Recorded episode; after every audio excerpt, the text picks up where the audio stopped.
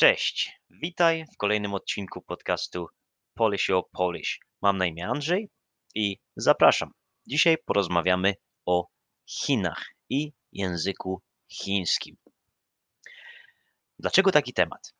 E, stwierdziłem, że, y, mm, że, że opowiem Wam o mojej przygodzie z językiem chińskim i z, mm, no, z, z faktem, że mieszkałem w Chinach e, ponieważ mam kilku studentów z Chin i widzę, że słuchają mnie osoby z Chin lub osoby chińskojęzyczne i też na iTalki mam studentów e, z Chin, więc e, stwierdziłem, że może to być ciekawy temat e, dla tych właśnie studentów, ale nie tylko. Mam nadzieję, że będzie to ciekawy temat dla wszystkich miłośników języków obcych i dla wszystkich zainteresowanych Chinami i być może po prostu podróżowaniem, czy to e, podróżowaniem po, e, no, po Azji, e, po odległych krajach. Ja miałem taką możliwość pomieszkać w Chinach prawie rok. Było to dokładnie 9 miesięcy i było to w 2017 roku. Mieszkałem w tym czasie w Szanghaju i pracowałem jako nauczyciel języka angielskiego, a potem jeszcze też miałem e, możliwość pojeżdżenia po Chinach, e, niestety tylko miesiąc, bo na tyle pozwalała mi wiza, którą miałem. Potem musiałem już wyjechać z Chin. I dzisiaj chciałem Wam opowiedzieć o e, właśnie o moich przygodach językowych, o, o nauce chińskiego, o tym, jak, jak to się wszystko zaczęło, o tym, dlaczego ten pomysł w ogóle się pojawił i ta, ta możliwość wyjazdu do Chin i ochota, na, e, ochota, żeby się trochę nauczyć e, języka chińskiego. E, jakie, jakie tam przygody miałem w Chinach, co robiłem i, i, i jak teraz patrzę na to wszystko z perspektywy czasu, no bo już minęły 3,5, no prawie 4 lata od tego czasu i po prostu moje plany na przyszłość też chciałem Wam powiedzieć. E, chciałem Wam powiedzieć o moich planach na przyszłość związanych z językiem chińskim, więc e, zaczynamy. A więc w 2016 roku podróżowałem po świecie z moją dziewczyną i e, no, wtedy akurat byliśmy, pamiętam, w Ameryce Południowej, w Brazylii, na północy Brazylii, tam prawie przy równiku. Dokładnie to było, pamiętam, że to był stan Maranhão, to jest taki stan, e, no, czyli jakby no, część Brazylii e, na północy. Stolicą tego stanu jest miasto São Luís. I pamiętam, że e, miałem wtedy, dostałem wiadomość od mojej znajomej, że nawet ja sam chyba do niej napisałem, bo wiedziałem, że ona już mieszka w Chinach, to jest Polka. I zapytałem się, czy byłaby możliwość, czyli czy w ogóle potrzebują nauczycieli języka chińskiego, angielskiego właśnie tam w tej e, szkole, gdzie ona pracowała, w której ona pracowała w Szanghaju. I ona powiedziała, pewnie potrzebujemy, wyślij CV, aplikuj e, i zaczniemy, może dostaniesz pracę. Ja w tamtym czasie miałem papiery już, jakby miałem kwalifikacje, żeby uczyć języka angielskiego, bo zrobiłem sobie taki kurs, który się nazywa CELTA. To jest e, no, taki certyfikat, który uprawnia Mm, upra uprawnia mnie teraz do, do, do uczenia języka angielskiego. Jest to bardzo fajny certyfikat i, i po prostu można uczyć dorosłych angielskiego, tak? I e, aplikowałem o tą pracę i, pamiętam, że miałem interview w ogóle, e, to było takie śmieszne dosyć, bo to było wszystko w czasie podróży, więc byłem w klapkach, na plaży, gdzieś tam w jakimś hostelu i miałem interview po prostu przez Skype'a, chyba wtedy już pamiętam, to było tak, przez Skype'a, zadzwonili do mnie z Chin i, i no i udało mi się, dostałem tą pracę i już wtedy pamiętam, to był lipiec 2016 roku, już wiedziałem, że, że, mm, że no z moją dziewczyną wiedzieliśmy, że wyjedziemy, że zdecydowaliśmy się, że tak zrobimy i wiedzieliśmy, że już e, tam w styczniu czy, czy w grudniu pojedziemy do Chin. E, następnego roku, tak? Czyli już pół roku przed wiedzieliśmy, że, że to się wydarzy.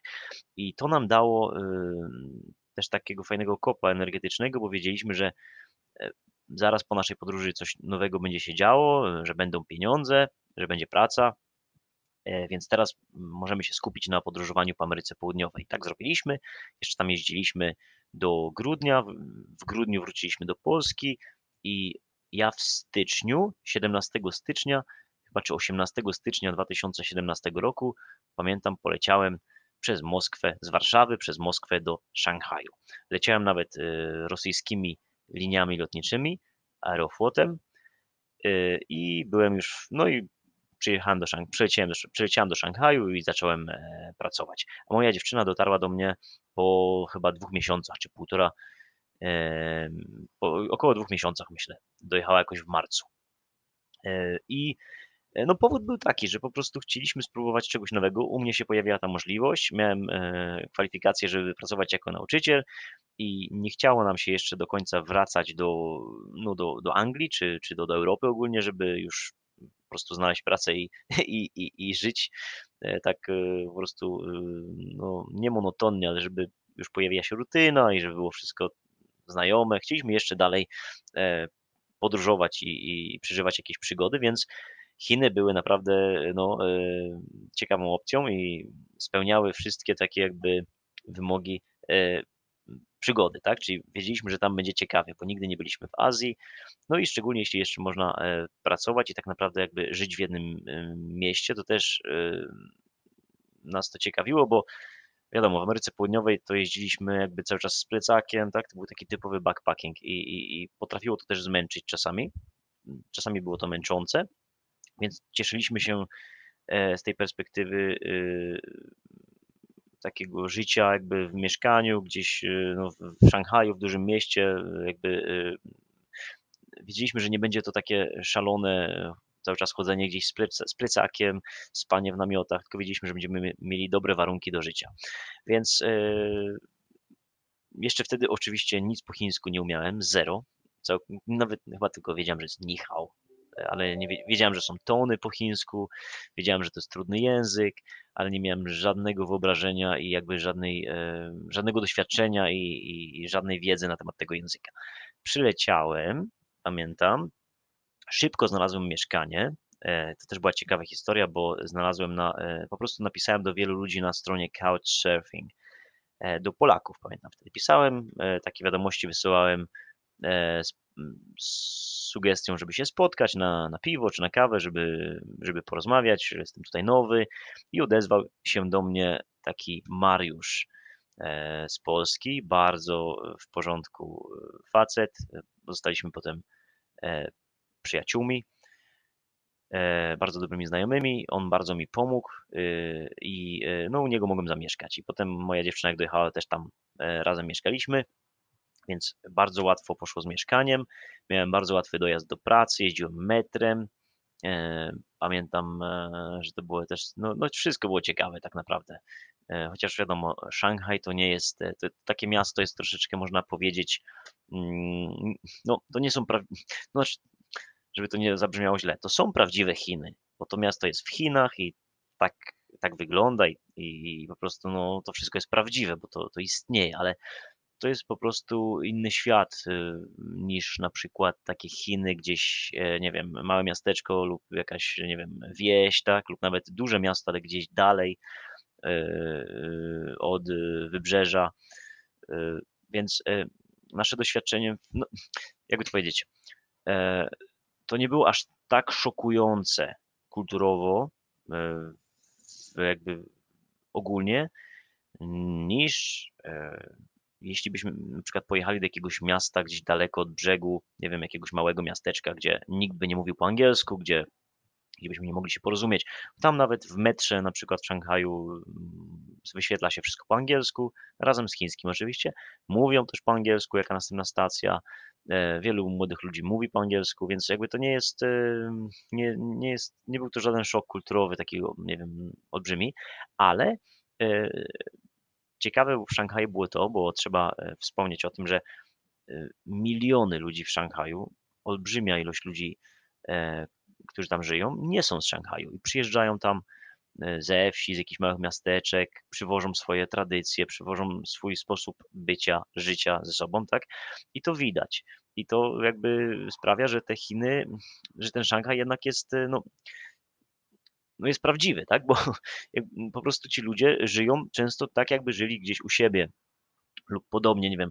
E, od razu mi przychodzi do głowy, y, przychodzą do głowy te obrazy pra, prania, które suszy się na ulicach lub, y, no nie wiem, jakby y, widać, że często ludzie, którzy gdzieś tam mieszkają w jakiś no po prostu obok nas nawet jak mieszkali, to widać, że to są często ludzie, którzy przybyli, którzy nie są z miasta, tak? Na przykład właśnie najbardziej to pranie, pamiętam, mi się rzucało w oczy.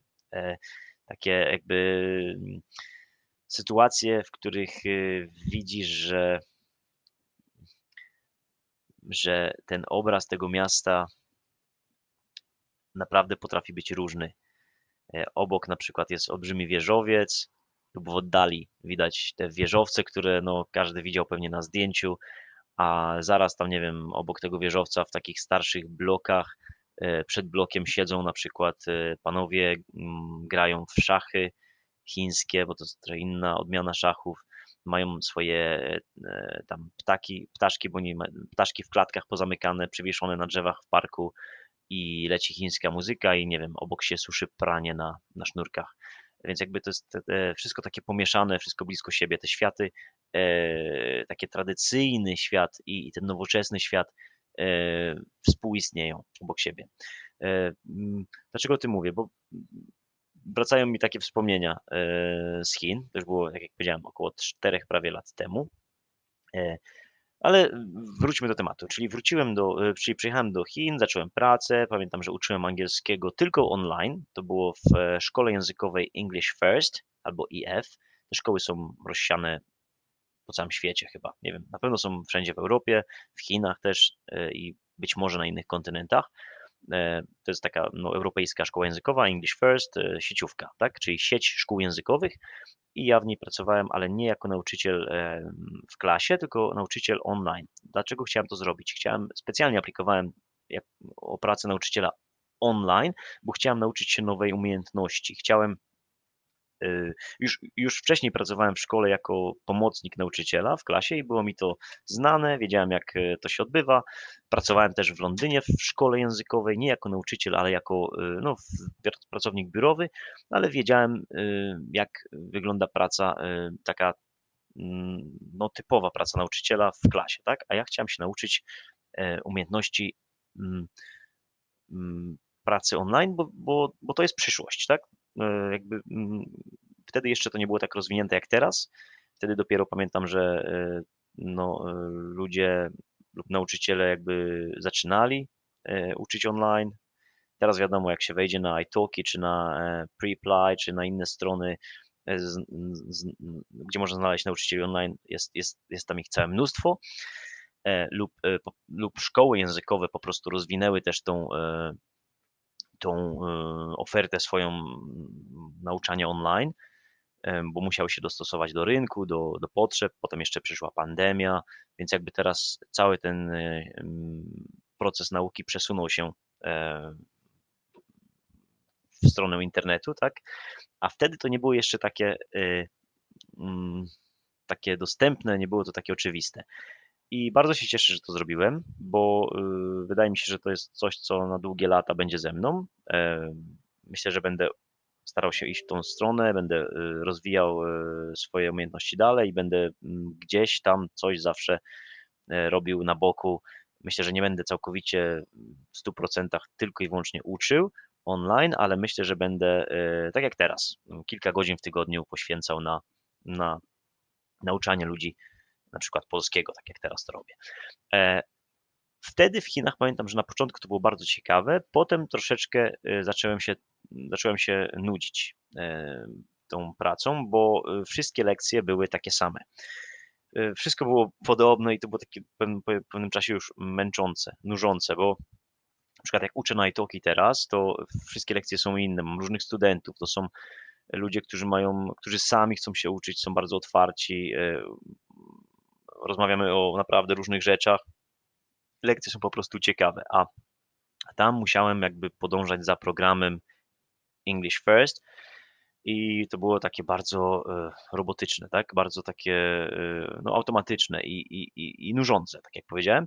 Więc po kilku miesiącach już wiedziałem, że no, my i tak wiedzieliśmy z moją dziewczyną, że nie będziemy tam dłużej niż rok e, i no, z różnych powodów stwierdziliśmy, główny powód to był też taki, że ciężko mojej dziewczynie było znaleźć jakąś sensowną pracę tam, bo ona no, niestety nie ma, nie lubi uczyć i, i też no, nie jest to jej, jej jej e, jakby hobby. E, nie interesuje się, nie chciałaby nigdy uczyć w szkole, ani uczyć e, online, więc jakby ciężko było coś tam znaleźć, bo mieliśmy takie doświadczenie w Chinach, że, bo takie poczucie, że najłatwiej znaleźć pracę nauczycielom angielskiego lub inżynierom, tak? czyli osobom z technicznym wykształceniem informatycznym albo nie wiem, jakimś tam, no po prostu inżynier.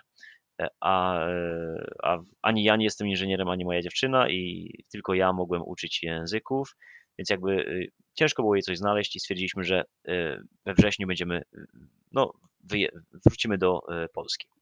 Ale wszystko się super ułożyło, bo we wrześniu jeszcze mieliśmy możliwość podróżowania razem pociągami po, po Chinach i zaraz o tym opowiem.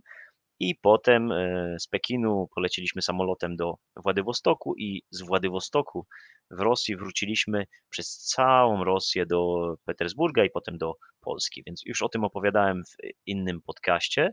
Możecie posłuchać, jeśli Was interesuje nasza przygoda e, w Rosji i, z językiem, i moja przygoda z językiem rosyjskim. Zapraszam. To było kilka tygodni temu. E, no a dzisiaj o Chinach. Więc e, po przyjeździe do Chin zacząłem pracę i e, pamiętam, że miałem bardzo kiepską zmianę, bo to była praca zmianowa, praca na zmiany, tak? Wcześniej tego nie wiedziałem, myślałem, że będę pracował zawsze rano, a okazało się, że będę pracował od 13 do 22. I to naprawdę były kiepskie godziny, bo rano, mm, rano wstawałem, no poranki były fajne, ale y, mm, jeszcze szczególnie jak mojej dziewczyny nie było, to czułem się trochę samotny y, i jakby chodziłem, pamiętam, chodziłem na basen, bo był basen w moim w bloku, w którym mieszkałem, to było naprawdę świetne doświadczenie, ale potem jakby te dni mi tak, y, miałem wrażenie, że nic nie mogłem zrobić, bo zaraz była dziesiąta, potem o dwunastej musiałem wychodzić do pracy, jechać metrem, potem siedziałem cały dzień w pracy, wracałem, była noc. I żeby zdobyć poranną zmianę, to trzeba było, trzeba było się wykazywać dobrymi osiągami, tak? Czy nie tylko uczyć, ale jeszcze tam jakieś w systemie robić rzeczy. Pamiętam, że trzeba było sprawdzać zadania i, i, i takie, takie rzeczy, które mi się bardzo nie podobały, szczerze mówiąc. Tak, takie bardzo, no to było tak, ten cały system tam pracy był taki ultrakorporacyjny,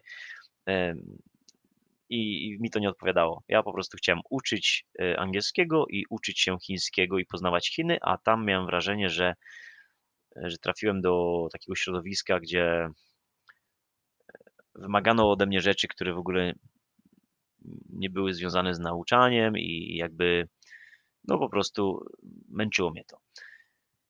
E, no ale mimo wszystko znajdowałem czas na chiński, e, uczyłem się go rano e, samemu i też pamiętam na takiej stronie Coursera, coursera.com, o ile się nie mylę, tak?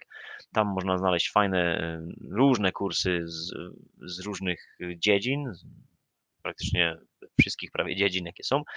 Wstawię Wam link w opisie, polecam. I tam robiłem chiński poziom HSK 1 i HSK 2 i zacząłem HSK, HSK 3, e, ale e, nie skończyłem go chyba. E, nie pamiętam już. No i uczyłem się w czasie wolnym. Pamiętam też jakieś miałem lekcje na iTalki. No ale wiadomo, z chińskim. Aha, jeszcze mieliśmy lekcje też z pracy darmowe. Mm, pracodawca nam mm, taki kurs, tam chyba dwumiesięczny, zorganizował. To też bardzo było pomocne. Wiadomo, że przez te 9 miesięcy za dużo się nie, nauczyłem, ale potem w, w podróży, jak byliśmy już no, po podejściu z mojej pracy, jak jeździliśmy po Chinach miesiąc, byłem w stanie się porozumiewać z ludźmi, tak? Czyli pytać się, co gdzie jest, lub nawet rozmawiać o Polsce, o Chinach. I to nam bardzo pomogło. W naszej podróży z moją dziewczyną otworzyło nam wiele drzwi i po prostu sprawiło, że naprawdę dużo się dowiedzieliśmy ciekawych rzeczy o Chinach, o kulturze. Y, byliśmy jakby częścią e, byliśmy jakby bardziej bliżej tych ludzi, tak? Bliżej ludzi. E, to nie była taka e, no, wyprawa, że nie wiedzieliśmy co kompletnie, co oni do nas mówią. E, mogliśmy się z nimi komunikować i to było naprawdę świetne. E, co jeszcze? E, praca przez te 9 miesięcy, mm, przez te 9 miesięcy w Chinach e, minęła mi błyskawicznie. Cały ten okres minął błyskawicznie, bo mm, oprócz e, lekcji e, i nauki chińskiego i lekcji, no i oprócz pracy tej w English First, dawałem jeszcze korepetycje, a to się wiązało z tym, że jeździłem po całym Szanghaju, no i uczyłem dzieci i dorosłych, ale głównie dzieci. To było męczące, bardzo męczące, bo spędziłem e, długie godziny w metrze, ale było to fascynujące, bo mogłem być w domach u Chińczyków e, z różnych części Chin, e, znam ich historię i jakby no zawsze jak się kogoś jest w domu, to jest fascynujące doświadczenie, szczególnie jeśli się wcześniej o tym kraju nic nie wie, jeśli to jest inna kultura, inna rzeczywistość, więc dało mi to naprawdę dużo i otworzyło mi oczy na Chiny. Pamiętam, że miałem różnych studentów, na przykład jeździłem do takiego małego chłopczyka na północ Szanghaju, który, mm, no, którego mama chciała, żeby on się uczył angielskiego. On jeszcze nic prawie tam po chińsku nawet nie mówił. E, e, I na przykład ona siedziała w domu z babcią, a, a mąż e, pracował i nie było go w ogóle w domu przez te miesiące. On pracował głównie w Afryce. Jakiś, e, no był inżynierem i, i spędzał tam długie, długie miesiące. I widziałem, jak taka rodzina egzystuje, czyli babcia e, gdzieś przyjechała, e, Chinka, z, ze wsi spod Syczuanu, bo oni stamtąd pochodzili. Siedziała w domu, no i gotowała, była taką też nianią z mamą po prostu spędzały cały dzień w domu z tym małym dzieckiem, a tata przysyła pieniądze z Afryki. Albo chodziłem też na lekcje, dawałem lekcje takiemu, y, no wtedy, nie wiem, 10-12-letniemu y, studentowi, tak, uczniowi, bardzo zdolnemu, on mówił już bardzo dobrze po angielsku, świetnie grał na pianinie, ale nienawidził tego, mówił, że nienawidzi tego, bo zmuszają go do, do nauki gry na pianinie, ale pamiętam jak usiadł i zaczął grać Chopina, to pamiętam, że rozpłynąłem się, mówię, wow, co za, co za talent. Może nie talent, tylko co za, za ciężka praca, tak, bo no wiadomo jak tam jest w Chinach. Dzieci po prostu od małych, od najmłodszych lat muszą często to robić, bo rodzice im, im każą. Tak jest często. Ale na przykład ten, w przypadku y, tej rodziny było tak samo. Mama ciężko pracowała e, w Szanghaju, e, synek siedział, e, jedynak, z babcią w domu, a tata też, tata był, mieszkał na południu Chin, w Shenzhen i praktycznie przyjeżdżał tylko raz na kilka miesięcy. Więc też taka dziwna, dziwny układ bardzo. Tak naprawdę ta babcia e, wszystko robiła i cały dzień spędzała z tym synkiem. On był bardzo nieusłuchany, bardzo niegrzeczny. Bardzo zdolny, ale bardzo niegrzeczny. E, Pamiętam jeszcze, może jeszcze jednego studenta, nie będę wszystkich oczywiście wymieniał, ale była na przykład Tina, to była akurat e, dorosła osoba, bardzo, bardzo, bardzo mądra, bardzo dobrze mówiła po angielsku, bardzo wykształcona. Pamiętam, że ona odeszła z jednej pracy i akurat wtedy przygotowywała się do interwiu w Ikei, e, jakąś tam stanowisko takie menedżerskie w Ikei, e, w w Szanghaju chciała, e, no, chciała dostać tam pracę, aplikowa- aplikować o nią i przygotowali, przygotowywaliśmy się do, no, poprawia, poprawiałem jej, po- pomagałem jej poprawić swój angielski i w jej przypadku też miała jedno dziecko, była bardzo zapracowana, on też, ten synek jej cały czas na jakieś zajęcia dodatkowe chodził, cały dzień. Miałem wrażenie, że jakby nie ma tam dzieciństwa. Te dzieci nie mają dzieciństwa, tylko cały czas coś robią. Uczą się, dodatkowe kursy e, mają cały czas, e, grają na pianinie, jeszcze sporty jakieś. Jakby te dzieci są od małego tak e, obciążone do granic wytrzymałości rozwojem i nauką. I w jej przypadku mąż też bardzo dużo pracował.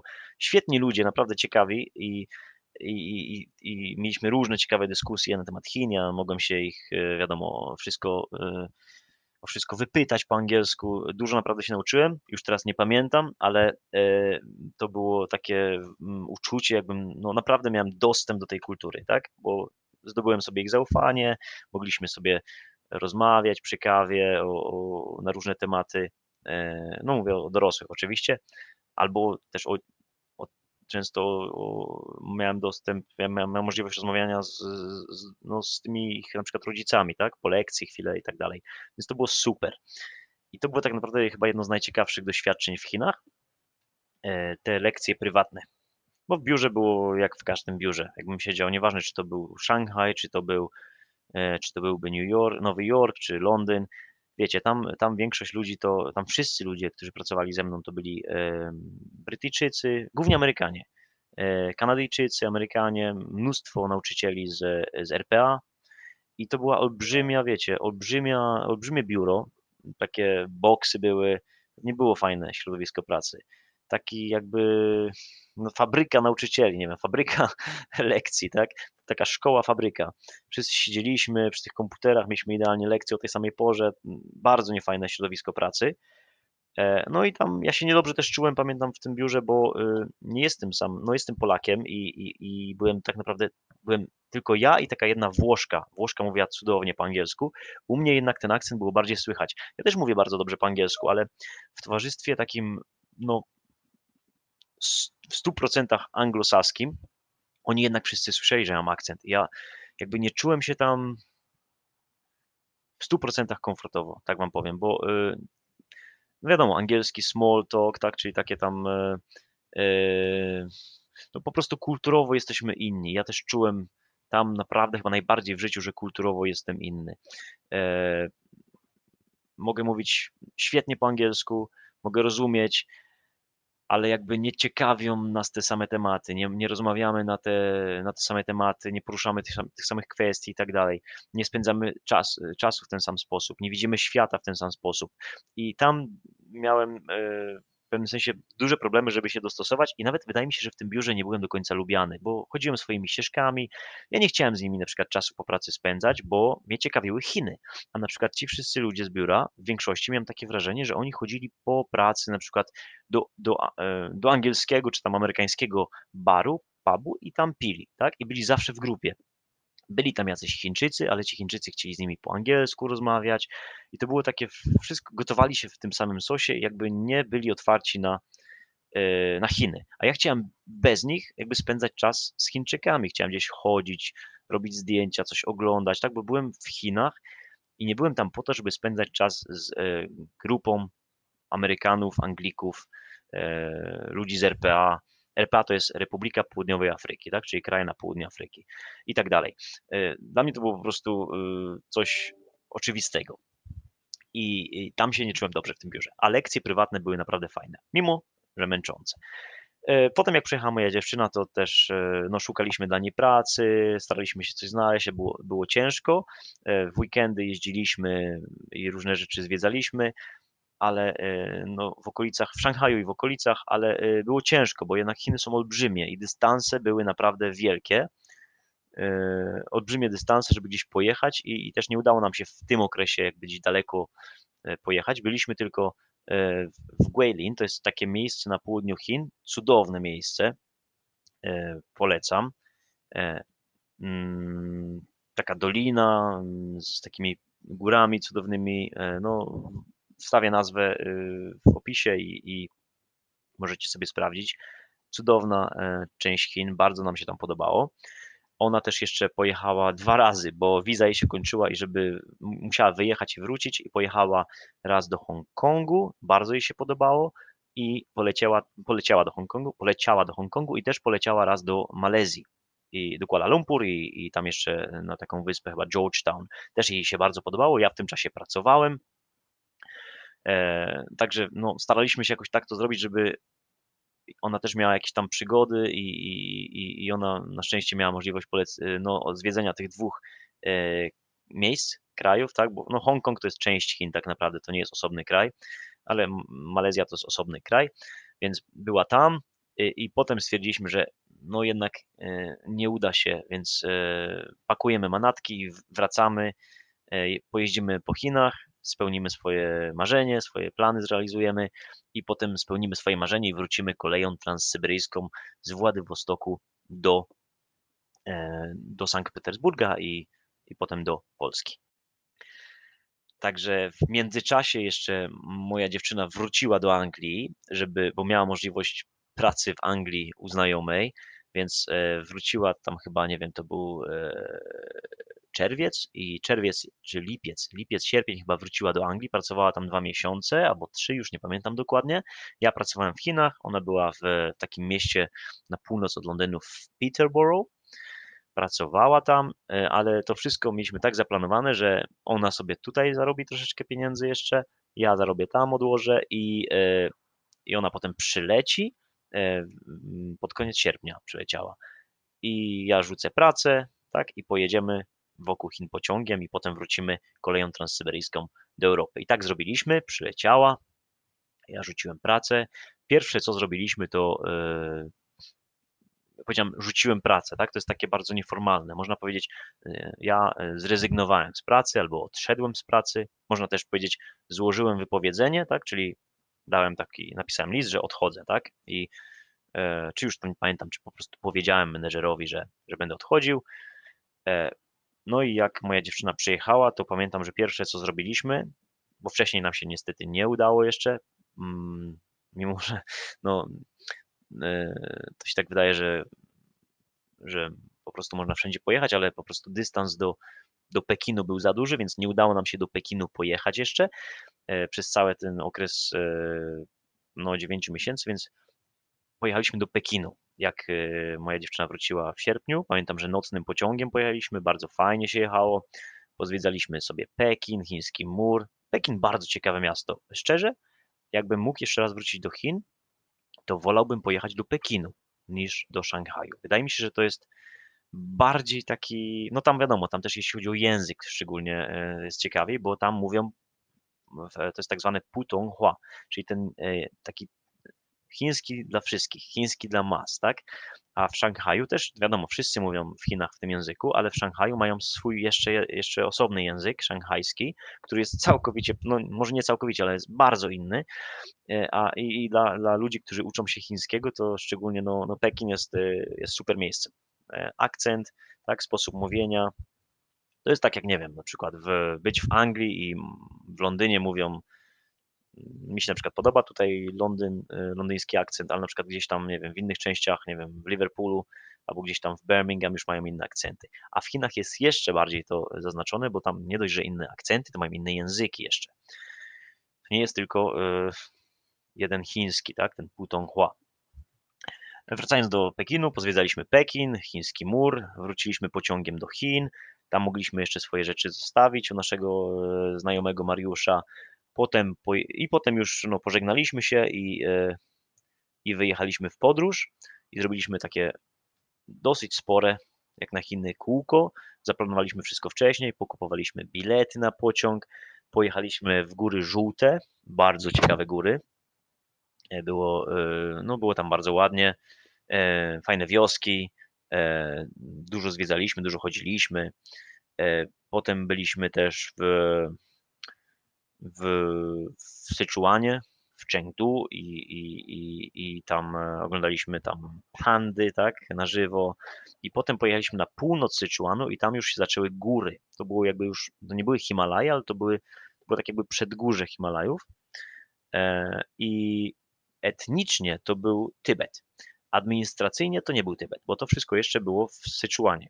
No a żeby wjechać do Tybetu, wiadomo, trzeba mieć specjalne pozwolenie, więc my go nie mieliśmy, więc nie mogliśmy jechać do Tybetu, ale byliśmy tak naprawdę, e, można powiedzieć, w Tybecie, bo byliśmy w, no, w syczuańskim Tybecie. Tam mm, ludzie, to byli Tybetańczycy, mówili po, po tybetańsku e, i, i było naprawdę świetne. To było po prostu najciekawsze chyba doświadczenie w, w Chinach, jeśli chodzi o taki e, no, szok kulturowy i po prostu doświadczenie czegoś innego. Także północ Syczuanu, świetne miejsce, polecam. Północny zachód chyba tak naprawdę Syczuanu. Góry, tam już byliśmy 3,5 tysiąca metrów nad poziomem morza, spadł śnieg, pamiętam.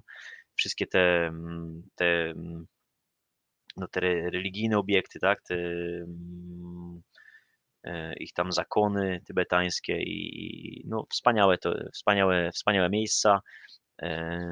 Jeszcze z chęcią raz bym tam wrócił, dobre jedzenie, fajni, fajni ludzie. ciekawie się tego wszystkiego słuchało i, i, i, i ciekawie się, ciekawe, naprawdę było to ciekawe przeżycie. Potem pojechaliśmy tam do jeszcze innych miejsc na północy Chin, takie miasto Xi'an, gdzie są e, słynna atrakcja żołnierzy z terakoty, ale nie widzieliśmy tej atrakcji, bo było, by było tam za dużo ludzi, jak, jak w wielu miejscach w Chinach był tłok i powiedzieli nam w hostelu, że, że jest olbrzymi tłok w tym okresie, bo to był chyba wrzesień e, i, i zrezygnowaliśmy, ale nie żałujemy, bo tłok nas jakoś nie pociąga, tłumy nas nie pociągają. Woleliśmy zwiedzać miejsca takie bardziej ciekawe przyrodniczo, jakieś małe miasteczka. No i potem jeszcze raz znowu przyjechaliśmy do Pekinu, tam chwilkę byliśmy i, e, i wylecieliśmy e, już samolotem do Władywostoku. E, to oczywiście pokrótce opowiedziałem, w skrócie, bo no, detale niestety już, szczegóły już wyleciały z pamięci, już nie pamiętam dokładnie, bym musiał spojrzeć na zdjęcia, bym musiał spojrzeć na mapę, żeby sobie to wszystko przypomnieć, ale jeśli mogę podsumować, to Chiny są niesamowicie ciekawym krajem. Chiny są niesamowicie różnorodne na wielu płaszczyznach, pod wieloma względami. E, Chiny są dla mnie taką wielką enigmą, bo jak się dziś pojedzie zagadką, enigmą, zagadką, znakiem zapytania, tak? Bo mm, jakby ciężko to wszystko sklasyfikować lub naprawdę ciężko uogólnić. E, ciężko mówić jakby ogólnie na temat Chin, bo no tam jest, to jest tak olbrzymi teren, taka olbrzymia masa ludzi i, e, i są takie wielkie dysproporcje między niektórymi jakby miejscami. Na przykład, nie wiem, Szanghaj porównać do jakichś wiosek gdzieś e, w Syczuanie, to to są po prostu dwa inne światy. U nas w Europie takie różnice nie istnieją. Tak myślę no, w pewnym sensie można by powiedzieć, że istnieją, nie wiem, jeśli porównalibyśmy, nie wiem, na przykład centrum Londynu i jakieś wioski w Mołdawii, tak? Albo gdzieś tam, nie wiem, no na przykład w Mołdawii, to można, y, można by bardziej zrozumieć, jakie to są różnice. E, ale, ale w Chinach to jeszcze jest bardziej pogłębione, bo tam są no, może nie jest bardziej pogłębione w sumie, bo y, chciałem powiedzieć, że tam są różne języki, y, całkowicie inne ludy, ale w Europie też tak jest, tak? Bo w Europie to jest tak troszeczkę jakbyśmy jakbyśmy na przykład, y, jakby Europa się zjednoczyła i by była, po prostu by się nazywała Europą, by była jako jeden kraj Europa, ale byśmy cały czas mieli te różnice między krajami, tak? I językowe i, i nie wiem, narzucono by nam na przykład nam język angielski, ale wszyscy byśmy mieli te własne języki cały czas jakby w, w użytku, tak? Czyli na przykład ja bym mówił po polsku, ktoś inny by mówił po portugalsku. To, to w Chinach troszeczkę tak jest właśnie, że narzucono im ten język, e, ta, tą, tą wersję jakby pekińską, ten putonghua, ale mają jeszcze i tam i kantoński, różne inne języki i kultury, swoje własne, swoją własną kulturę i tradycje. Jakby troszeczkę tak właśnie to wygląda, e, że z zewnątrz te Chiny, my myślimy po prostu tak, nie wiem, o Chiny, Chińczycy są tacy, tak? Chiny są takie, a tak naprawdę jak się tam pojedzie i się odkryje e, tą jakby górną warstwę i zobaczy jak tam naprawdę jest, to to jest niezwykle skomplikowana struktura, niezwykle skomplikowany kraj i im dłużej chyba tam się przebywa, kiedyś słyszałem taki fajny cytat, że nie pamiętam już dokładnie e, jak, jak to szło, ale im dłużej ktoś mieszka w Chinach, tym, tym mniej skory jest do uogólnień, tak? Czyli tym e, mniejsza szansa na to, że dojdzie do jakichś ogólnych wniosków. Tylko bardziej będzie wszystko podsumowywał stwierdzeniem, że to zależy, tak? że to nie jest takie proste coś po prostu uogólnić. I Chiny, Chiny właśnie chyba takie są dla mnie. No i tam jest jeszcze jedna taka e, rzecz związana z Chinami. E, olbrzymie tempo zmian.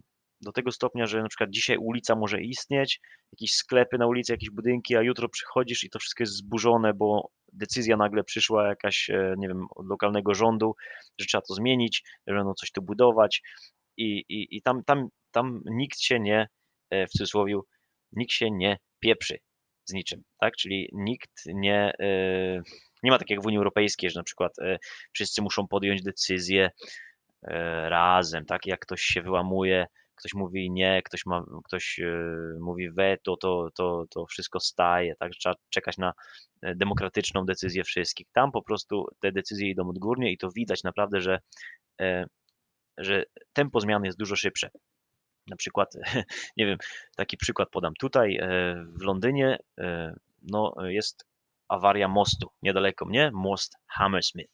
I on, mm, to jest stary, zabytkowy most, ale y, tam coś popękało i jest cały zamknięty i y, mm, słyszeliśmy, że to zajmie wiele, wiele lat naprawa tego mostu, że nie mogą się dogadać, nawet nie postawili żadnego mostu takiego, y, wiecie, pontonowego, jakby takiego mostu obok tymczasowego. E, nie wiedzą jak to zrobić, tam podobno jakieś długie procedury to są, żeby, żeby nie wiem, żeby to naprawić. I, I, ja się śmiałem, że w Chinach taki most powstałby po prostu, ktoś by podjął decyzję i, i, i w kilka miesięcy już by stał nowy. E, albo by zrobili tunel, nie wiem. E, I tam tak właśnie to trochę wygląda. Wiadomo, że ja też uogólniam, na pewno też są problemy i, i biurokracja i tak dalej, ale te decyzje idą, e, są podejmowane szybciej. Na przykład, nie wiem czy wiecie, ale w Chinach jest, już nie pamiętam dokładnie liczb, ale ilość tysięcy kilometrów yy, szybkiej kolei jest porażająca. I, I, jeszcze jak się spojrzy na mapę kilka, kilkanaście lat wstecz, tego nie było. To wszystko powstaje w ostatnich latach bardzo szybko. Pamiętam, jak jeździliśmy pociągami po Chinach, to wszędzie widzieliśmy e, no, e, dźwigi i wszędzie, wszędzie był plac budowy tak naprawdę. I to naprawdę widać. E, że ten kraj się bardzo szybko rozwija i, i, i już jestem przekonany, że te Chiny, które ja widziałem w 2017 roku, już nie istnieją w cudzysłowie, tak? To teraz już wszystko to poszło naprzód i, i bym pewnie nie poznał wielu miejsc. E, no więc e, po prostu Chiny się w bardzo szybkim tempie zmieniają, unowocześniają, tak? I, i, i idą naprzód. To też jest jakby taka cecha tego kraju według mnie. A teraz troszeczkę o języku chińskim. Czy język chiński jest trudny? Według mnie nie. Według mnie nie jest trudny, jeśli się bardzo, yy, jeśli chcesz, jeśli ty, yy, słuchaczu lub słuchaczku, bardzo chcesz się nauczyć chińskiego, to yy, jest to jak najbardziej możliwe i jeśli masz w sobie motywację i ochotę na naukę, to już jest co najmniej połowa sukcesu. E, nigdy nie myśl, że jest to trudny język. Nigdy. To jest moim zdaniem wielki błąd, bo e, ja też na przykład bazowałem na tym. Wszyscy przez całe życie mówili, zawsze słyszałem, chiński jest trudny. I wbiłem sobie to do głowy i myślałem, że to jest trudny język. A tak naprawdę nie. Po prostu my mamy takie e, wyobrażenie o nim, bo ktoś nam to powiedział i to było po prostu powtarzane, mm, nie wiem, z pokolenia na pokolenie. A to nie jest wcale taki trudny język. E, tam jest gramatyka, nie ma, to jest też mit, że ludzie czasami mówią, że chiński w ogóle nie ma gramatyki. Oczywiście, że jest gramatyka, gramatyka. są tam struktury, że musisz coś postawić, no, takie struktury gramatyczne, które dla nas mogą być dosyć niezrozumiałe, ale one nie są trudne. Na przykład, że nie wiem, bardziej to się dotyczy jakiegoś szyku zdania, tak, że jeden musisz powiedzieć coś, potem coś i na końcu coś, tak jak trochę w niemieckim na przykład. E, e, chiński y, się tym różni od na przykład, nie wiem, polskiego lub wszystkich języków indoeuropejskich, e, ale to nie jest, y, to nie jest jakieś nie wiadomo jak trudne. A poza tym, jeśli chodzi o znaczki, czyli chińskie, no chińskie znaczki, to też y, teraz się wszystko zmieniło przez technologię, bo wiecie, jak, wyuczy, jak nauczycie się, nie wiem, między 500 a 1000, powiedzmy, będziecie znali około 1000 znaczków, to będziecie mogli naprawdę dużo powiedzieć i dużo zrozumieć. A nie musicie też umieć tych znaczków wszystkich pisać ręcznie, bo jest takie coś jak pinin, to jest system zapisu znaczków przy pomocy naszych y, liter, tak? czyli A, B, C, D, E, nasz alfabet. I na przykład po chińsku, nie wiem, słowo ja to jest ło, ło, tak? I to się pisze w, o, y, używając naszych liter. Więc e, trzeba umieć rozpoznawać znaczki. Bo jak wpiszę na, na w telefonie ło, tak jakby te literki WO i wyskoczy mi znaczek, tak? Wyskoczy kilka znaczków. Ja muszę wiedzieć, który jest który to jest ten znaczek, który ja chcę. Więc e, trzeba się uczyć według mnie, że oczywiście ja mówię o takim poziomie no, komunikacyjnym, żeby umieć się dogadać, żeby umieć, umieć e, zrozumieć, żeby umieć się po prostu, nie wiem, żeby móc porozmawiać z kimś na ulicy, czy to w pracy i tak dalej. E, według mnie wystarczy umieć rozpoznawać znaczki. A to już jest dużo, dużo prostsze niż nauczenie się mm, pisania tych znaczków. No to jest troszeczkę trudniejsze, łatwo to zapomnieć, tak, który, która linia pierwsza, która po niej, ale to nie jest konieczne. E, dźwięki, wymowa, tak, wymowa e, chińskich słów według mnie też nie jest trudna. Nie wiem, może mówię z perspektywy Polaka, bo dzi, cy, czy, takie wszystkie te znaczki, dźwięki u nas też istnieją i w wielu innych językach i to naprawdę nie jest trudne. To naprawdę da się zrobić. Oczywiście trzeba do tego podejść e, z głową, mm, trzeba mieć dużo, trzeba wykazać się dużą systematycznością, trzeba robić coś według mnie codziennie, co najmniej tam, nie wiem, 15 minut, pół godziny przez jakiś dłuższy okres, nie wiem, roku, jednego roku, dwóch lat, trzech lat i naprawdę będą rezultaty. Ja uczyłem się chińskiego intensywnie 2017, 18 i 19 rok e, i pół 2019 roku. Potem przestałem, potem się przerzuciłem na rosyjski, włoski i do teraz się uczę rosyjskiego, więc szczerze mówiąc, teraz mam takie poczucie, że bardzo dużo zapomniałem z chińskiego. Bardzo dużo. I, i, i czasami jestem nawet na siebie zły, że, że po prostu y, przestałem się uczyć chińskiego, ale wiem, że to wszystko w głowie jest i jakbym po prostu i na pewno wrócę do chińskiego i jak, jak wrócę do chińskiego, to po kilku tygodniach, miesiącach wszystko sobie przypomnę już tak miałem z hiszpańskim i z portugalskim i z włoskim kiedyś i wiem, że to y, no, wydaje się, że wszystko to poszło na marne, cała ta nauka, ale tak nie jest. To wszystko w głowie siedzi, tylko jest po prostu przykryte warstwą kurzu, tak? Trzeba sobie odświeżyć to wszystko. Więc jeśli macie ochotę zacząć uczyć się nowego języka, jeśli macie, macie ochotę spróbować uczyć się chińskiego, gorąco polecam.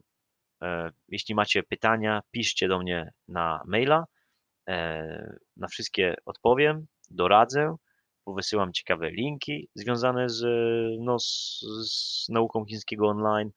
E, podzielę się moim doświadczeniem i jeśli nawet ktoś będzie chciał, to może do mnie pisać po chińsku i możemy umówić się na na przykład, nie wiem, napisanie do siebie listów po chińsku lub oczywiście, żeby ćwiczyć, tak, znaczki, czytanie i pisanie lub możemy umówić się na jakieś e, rozmowy po chińsku, tak? Na przykład na Skype'ie dla praktyki. Ale oczywiście na przykład na, na stronie iTalki jest e, mnóstwo, całe mnóstwo nauczycieli, świetnych nauczycieli chińskiego, którzy, którzy Wam pomogą. E, to tyle. Myślę, że to tyle na dzisiaj. Będę powoli kończył. Podcast dzisiaj będzie dosyć długi, 48 mm, minut chyba wyjdzie, tak? Prawie 47. Także jeden z dłuższych odcinków. Mam nadzieję, że nie był to zbyt chaotyczny podcast. E, jak zwykle, e, jak zawsze, mm, nagrywałem ten odcinek bez żadnego przygotowania, bez żadnego skryptu. Nie miałem nawet nic napisane przed sobą na kartce.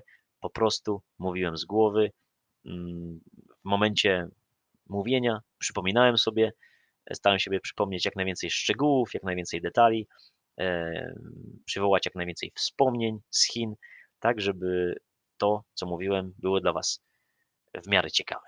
Tak? Mam nadzieję, że tak wyszło. Życzę Wam wszystkim miłego dnia. Trzymajcie się gorąco. Jeśli e, chcecie mnie wesprzeć, zapraszam. Zapraszam na stronę Patreon. Tam możecie zostać e, moim patronem, możecie mnie wspomóc, wspomóc finansowo, E, dać mi jeszcze więcej motywacji do, e, do nagrywania kolejnych odcinków. Było mi, będzie mi naprawdę bardzo miło, e, jeśli ktoś mnie wspomoże. Pozdrawiam gorąco, trzymajcie się, wszystkiego dobrego i do usłyszenia w następnym odcinku. Cześć, pozdrawiam z Londynu.